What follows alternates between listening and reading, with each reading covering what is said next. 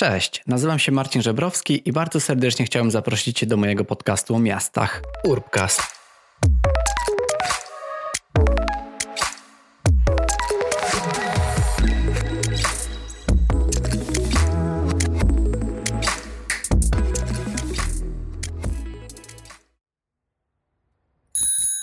Cześć, witajcie w kolejnym odcinku mojego podcastu o miastach. Ten odcinek wyszedł z pewnym opóźnieniem, gdyż miałem pewne przeciwności losu podczas nagrywania go. Wczoraj przez cały dzień panowie remontowali coś nieopodal mojego okna i używali ciężkiego sprzętu przez prawie cały dzień, więc miałem pewne trudności z nagrywaniem i stwierdziłem, że poczekam. Dzisiaj no, sytuacja jest troszeczkę lepsza, ale wciąż słyszę, że ktoś na dworze używa Diaxa, więc stwierdziłem, że nie będę już zwlekał i zacznę nagrywać. A dzisiaj krótko o tym, czy bardziej opłaca się kupić, czy wypożyczyć rower w Kopenhadze oraz jak częste są tutaj kradzieże rowerów. A oprócz tego garść statystyk prosto z rowerowej stolicy. 500 tysięcy. 9 na 10 17 560 tysięcy. 25,5 tysiąca. 60 tysięcy. 1 2015 nie są to bynajmniej wyniki najnowszego losowania Lotto, a liczby, o których za chwileczkę opowiem. 500 tysięcy. Tyle rowerów sprzedaje się rocznie w całej Danii, a 9 na 10 Duńczyków posiada rower. Natomiast 17% Duńczyków ukradło kiedyś rower, co w sumie przełożyło się na 200 milionów koron kosztu dla firm ubezpieczeniowych. 560 tysięcy rowerów znajdziemy w Kopenhadze, 25,5 tysiąca Tyle kradzieży rowerów zgłoszono w pierwszej połowie 2015 roku w Kopenhadze i jest to najniższa liczba od 20 lat. 60 tysięcy. Tak wyglądała ta liczba w roku 95. 1%. Tyle kradzieży kończy się postawieniem zarzutów sprawcom według Duńskiego Urzędu Statystycznego. 2015. W tym roku niedoszły klient sklepu rowerowego w kopenhaskiej dzielnicy Norebro odkrył w sklepie swój niedawno skradziony rower. Po interwencji policji okazało się, że w sklepie rowerowym jest prawie 400 skradzionych rowerów, a właściciel sklepu został aresztowany. Według duńskiej ambasady rowerowej 16% wszystkich podróży w Danii odbywa się za pomocą roweru. 25% wszystkich podróży poniżej 5 km również odbywa się na rowerze. Każdy Duńczyk przejeżdża na rowerze średnio 1,1 km dziennie. 36% dorosłych Duńczyków używa roweru, aby dostać się do pracy przynajmniej raz w tygodniu. Używanie roweru na przestrzeni 18 lat od roku 1990 do 2008 zmalało o 17%, podczas gdy używanie samochodu zwiększyło się o 46%. Nie dotyczy to co prawda Kopenhagi czy Odense, gdzie użytkowanie roweru wzrosło. 17% dorosłych mężczyzn i 36% dorosłych kobiet używa roweru, aby dostać się do pracy lub do szkoły. 45% duńskich dzieci używa roweru, aby dotrzeć do szkoły. Ścieżki rowerowe w Danii są uważane za bardzo bezpieczne, przez to, że są często wyniesione powyżej poziomu jezdni, której, z której korzystają samochody, i właśnie przez to, że przynajmniej na wysokość tego krawężnika są oddzielone od ruchu samochodów. Standardowa szerokość ścieżek rowerowych w Danii to 2,2 metra, natomiast w Kopenhadze ten standard jest powiększony do 2,5 metrów do nawet 2,8 metra. Jest wiele badań mówiących o tym, jak bardzo korzystnie wpływa jeżdżenie na rowerze na zdrowie. Co ciekawe, w Danii od około 30 do 40% Duńczyków w ogóle jest fizycznie nieaktywna. A ta fizyczna nieaktywność kończy się tym, że mamy 4,5 tysiąca przedwczesnych śmierci każdego roku. 5700, 377, 1860, 90. W Warszawie w miejskim systemie wypożyczania rowerów Veturilo znajdziemy 5700 rowerów rozmieszczonych na 377 stacjach. Natomiast w Kopenhadze rower publiczny to 1860 rowerów rozmieszczonych na 90 stacjach, z czego wszystkie są rowerami elektrycznymi. Nie wiem jaki dokładnie procent rowerów elektrycznych jest we flocie rowerów Veturillo w Warszawie, Natomiast wydaje mi się, że jest to kilka, dosłownie kilka procent. Czemu skoro jeżdżenie na rowerze jest tak popularne w Kopenhadze, gdzie ponad połowa mieszkańców dojeżdża codziennie do pracy na rowerze, to mamy tak mało rowerów miejskich, rowerów publicznych, które możemy wypożyczyć. Tutaj przede wszystkim, tak jak już wspominałem, wpływ ma ten model posiadania rowerów. I skoro 9 na 10 Duńczyków posiada ten rower na własność, no to też nie mają potrzeby wypożyczania rowerów miejskich. Dlatego, jak mawia Michael Colville Anderson, który jest urbanistą mieszkającym na co dzień w Kopenhadze i też zajmujący się rozwojem kultury rowerowej, te rowery publiczne są używane głównie przez turystów. W tym momencie, gdy turystów za bardzo nie ma, widać, że te rowery miejskie po prostu stoją i się kurzą.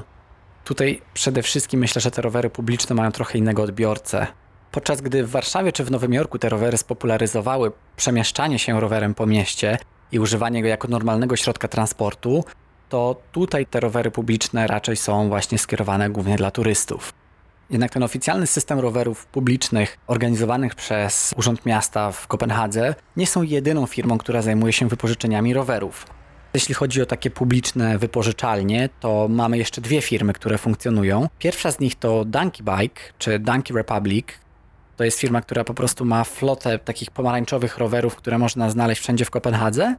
I za pomocą wykupienia miesięcznego abonamentu mamy dostęp do wielu rowerów rozmieszczonych na terenie całego miasta. Nie są to rowery, które dokuje się w stacji, tak jak warszawskie Veturillo, ale można je rozmieszczać dość swobodnie. Co ciekawe, firma Donkey Republic zajmuje się też recyklingiem rowerów. Na ich stronie możemy wyczytać, że 25 tysięcy rowerów na ulicach Kopenhagi jest po prostu do zezłomowania, nikt ich nie używa. Dlatego mają bardzo fajny program, w ramach którego możemy przynieść do nich swój stary rower. Nie musi być koniecznie działający, a oni w zamian za to dadzą nam półroczną subskrypcję ich usługi więc przyczyniają się też do pewnego recyklingu, no i też do oczyszczania miasta z tych niepotrzebnych już nikomu rowerów, co jest bardzo fajnym pomysłem.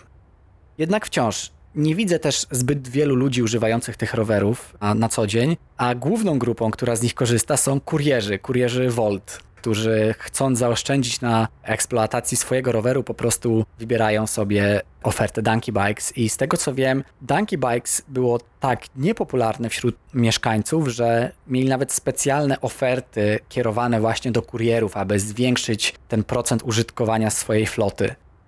Kolejną firmą, która zajmuje się wypożyczaniem rowerów są tak zwane swapis, czyli rowery, które możemy tak samo wypożyczyć w pewnym modelu subskrypcyjnym. Najczęściej jest to po prostu płatność comiesięczna, tylko Swapis, co ciekawe, mają taki model leasingowania rowerów, czyli w momencie, gdy opłacamy subskrypcję, otrzymujemy przypisany sobie rower, który możemy zaparkować w swoim garażu i używamy go tak długo, jak opłacamy tą subskrypcję, więc e, jest to taki pomysł na to, aby być może te rowery trochę bardziej szanować, no i mieć je też bardziej na własność. Co ciekawe, do tej pory te Swapis też można było wypożyczyć, nawet jeśli jest się kurierem rowerowym. Natomiast kilka dni temu firma ta zaktualizowała swoją politykę użytkowania i zabroniła używania swoich rowerów do celów zarobkowych. Pewnie dlatego, że po prostu kurierzy, którzy wypożyczali te rowery i robili na nich po setki kilometrów tygodniowo, bardzo eksploatowali te rowery. Dlatego też taki zapis pojawił się teraz w regulaminie i rower można już wykorzystać tylko i wyłącznie w celu rekreacyjnym. Co jest być może szkodą dla kurierów, ale pewnie firma będzie w stanie na tym w jakiś sposób zarobić. Nigdy nie zostawiam swojego roweru niezapiętego. Nawet raz. Używam dobrego zamka. Pierwszy rower, jaki straciłam, był tani, używany, z pobliskiego sklepu. Nie wyróżniał się, więc nie zainwestowałam w jakościowe zapięcie. Zapięcie, które kupiłam, okazało się zbyt łatwe do przecięcia. Zaparkowałam swój rower pod moim blokiem w piątek wieczorem, a w poniedziałek już go nie było. Aż 26 tysięcy mieszkańców Kopenhagi mogłoby się utożsamić z tymi słowami w 2016 roku, kiedy to właśnie 26 tysięcy kradzieży rowerów zostało oficjalnie zgłoszonych. Rower mojego syna zaparkowany przed szkołą także został skradziony. Nie zapiął go tym razem, bo był na terenie szkoły. Nie mieszkamy nawet blisko centrum, gdzie dzieje się większość kradzieży. Słyszałam, że są zapięcia, które są certyfikowane przez firmy ubezpieczeniowe. Nawet jeśli mój rower jest zbyt tani, żeby go ubezpieczyć, to i tak sprawia mi to ogromny trud, gdy pewnego dnia nie znajdę go w miejscu, w którym go zostawiłam i będę musiała wracać do domu kilka kilometrów na piechotę. To też spory zawrót głowy, żeby kupić nowy rower więc zainwestowałam w nowy solidny zamek, który przykręca się bezpośrednio do ramy. Nigdy więcej mój rower nie został ukradziony. Tą wypowiedź znalazłem na jednym z forów internetowych poświęconych Kopenhadze, ale z autopsji wiem, że dobry zamek to podstawa. Właściwie to była jedna z pierwszych rzeczy, jaką usłyszałem w Kopenhadze. Kup dobry zamek, a najlepiej łańcuch. Takich osób też jest bardzo dużo. Takich, których rower został skradziony, więc zainwestowały w dobry zamek. I to jest główny powód, dla którego te 26 tysięcy kradzieży zgłoszonych w 2016 roku to wynik rekordowo niski. Po prostu Kopenhażanie zaczęli inwestować w lepsze zapięcia i w lepsze zabezpieczenia swoich rowerów.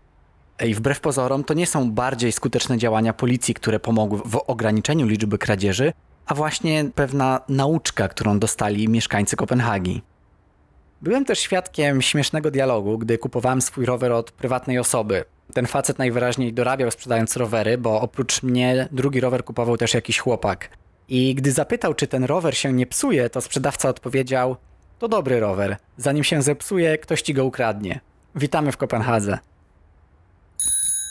Dzięki za wysłuchanie kolejnego odcinka mojego podcastu. Mam nadzieję, że wiecie już, czy warto wypożyczać się rower w Kopenhadze, czy lepiej może go kupić, a jeśli już go kupimy, to w jaki sposób zabezpieczyć się przed kradzieżą i jak można się zaskoczyć odwiedzając jeden ze sklepów rowerowych. Wydaje mi się, że takie sytuacje są też popularne w innych miastach, więc dajcie mi znać, jeśli mieliście podobną historię, że wasz rower został ukradziony lub e, zaskoczyło was coś w wypożyczaniu rowerów, lub być może jesteście bardziej posiadaczami rowerów i cenicie sobie to, że rower jest e, zawsze dla was dostępny. Dzięki wielkie i do usłyszenia w kolejnym odcinku.